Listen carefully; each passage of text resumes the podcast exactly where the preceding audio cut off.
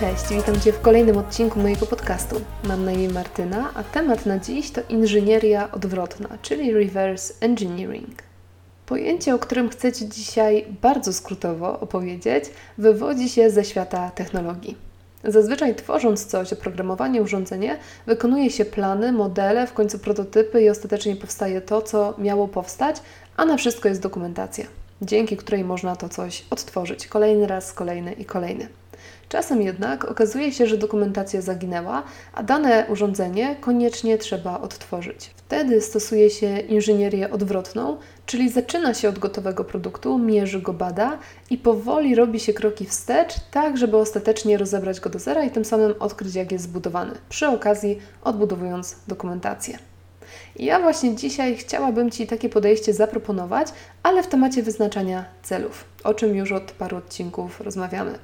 Gdyż osobiście uważam, że taka technika inżynierii odwrotnej może być niesamowicie przydatna i też otwierająca oczy. I teraz w jaki sposób pojęcie ze świata technologii można zastosować w psychologii rozwoju osobistym? Dokładnie tak samo jak w oryginale, zaczynając od końca, czyli od gotowego produktu. W tym przypadku gotowym produktem jesteś wspaniały ty, czy wspaniała ty, żyjąca, żyjący życiem ze swoich snów.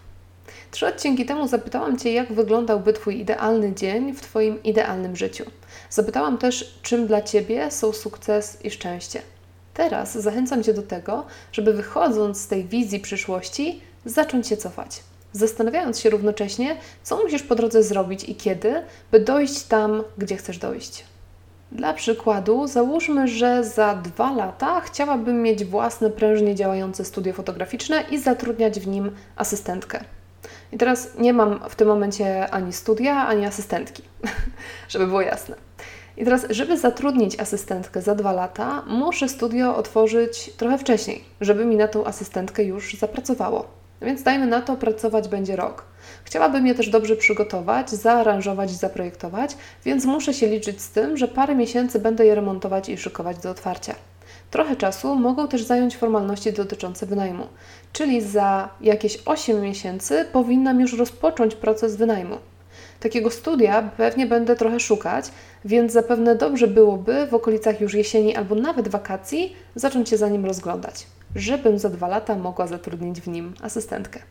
I teraz dzięki takiej analizie widzę wyraźnie, jakie kroki muszę podjąć, a wręcz w jakim czasie muszę je podjąć, żeby moja wizja się spełniła. Inżynieria odwrotna pomaga też w sprawdzeniu, czy to, co sobie założyliśmy, rzeczywiście w takim czasie jesteśmy w ogóle w stanie zrobić. Jak widzisz, mój cel zatrudnić asystentkę do mojego studia za dwa lata był celem SMART. Tyle, że inżynieria odwrotna pomogła mi zrewidować, czy realnie jestem w stanie swój cel osiągnąć. I na przykład wiem, że nie jestem, gdyż najwcześniej na wiosnę przyszłego roku będę zapewne mogła w ogóle pomyśleć o szukaniu przestrzeni. Co w takiej sytuacji? Mogę albo przesunąć mój cel w czasie, albo go zrewidować i pomniejszyć, czyli na przykład skupić się na razie tylko na otwarciu studia, bez włączania w ogóle w całą wizję instytucji asystentki. Cały powyższy przykład jest oczywiście czymś wymyślonym totalnie na szybko, więc proszę na mnie nie krzyczeć za ewentualne błędy logiczne. Po prostu chciałam, żebyś na prostym przykładzie zrozumiał czy zrozumiała, o co mi dzisiaj w ogóle chodzi. Tak więc zachęcam Cię dzisiaj do tego, żebyś wymyślił, wymyśliła sobie, kim chcesz być za 10 lat i gdzie chcesz być za 10 lat. Następnie w związku z tą wizją za dekadę, gdzie, z kim i kim chcesz być, zadajmy na to 3 lata. Wreszcie, gdzie w takim razie powinnaś, powinieneś być za rok. A kiedy już dojdziesz do tego, jakie cele powinieneś mieć odhaczone z listy za rok, niech inżynieria odwrotna pomoże Ci stworzyć bardziej szczegółowy plan na najbliższe na przykład 6 miesięcy, kwartał, najbliższy miesiąc i w końcu niech pokaże Ci, co w takim razie dobrze byłoby zrobić w nadchodzącym tygodniu. A nawet jeżeli nie masz ochoty wybiegać aż tak daleko w przyszłość i nawet nie potrafisz jeszcze zobaczyć oczami duszy swojej, gdzie chciałbyś czy chciałabyś się znaleźć za 10 lat, nadal możesz użyć tej techniki, tylko w odniesieniu do po prostu najbliższych miesięcy i tygodni. Możesz jej użyć do jakiegokolwiek wycinka czasu i do jakiegokolwiek celu.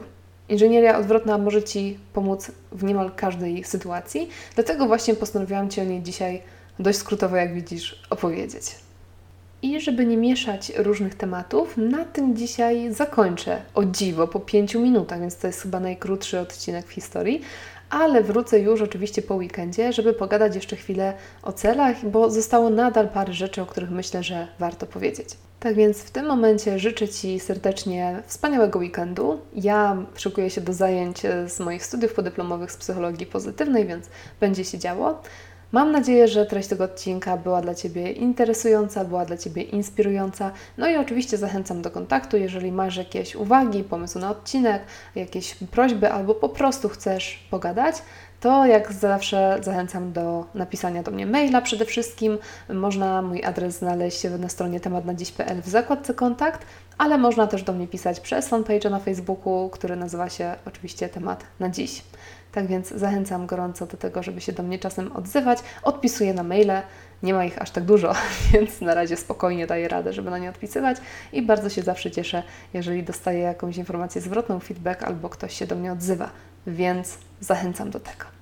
No i teraz tą gadaniną dobiłam do 6 minut, więc już nie mam aż takich wyrzutów sumienia, tak więc kończę. Dziękuję Ci bardzo serdecznie za dziś. Do usłyszenia po weekendzie. Cześć!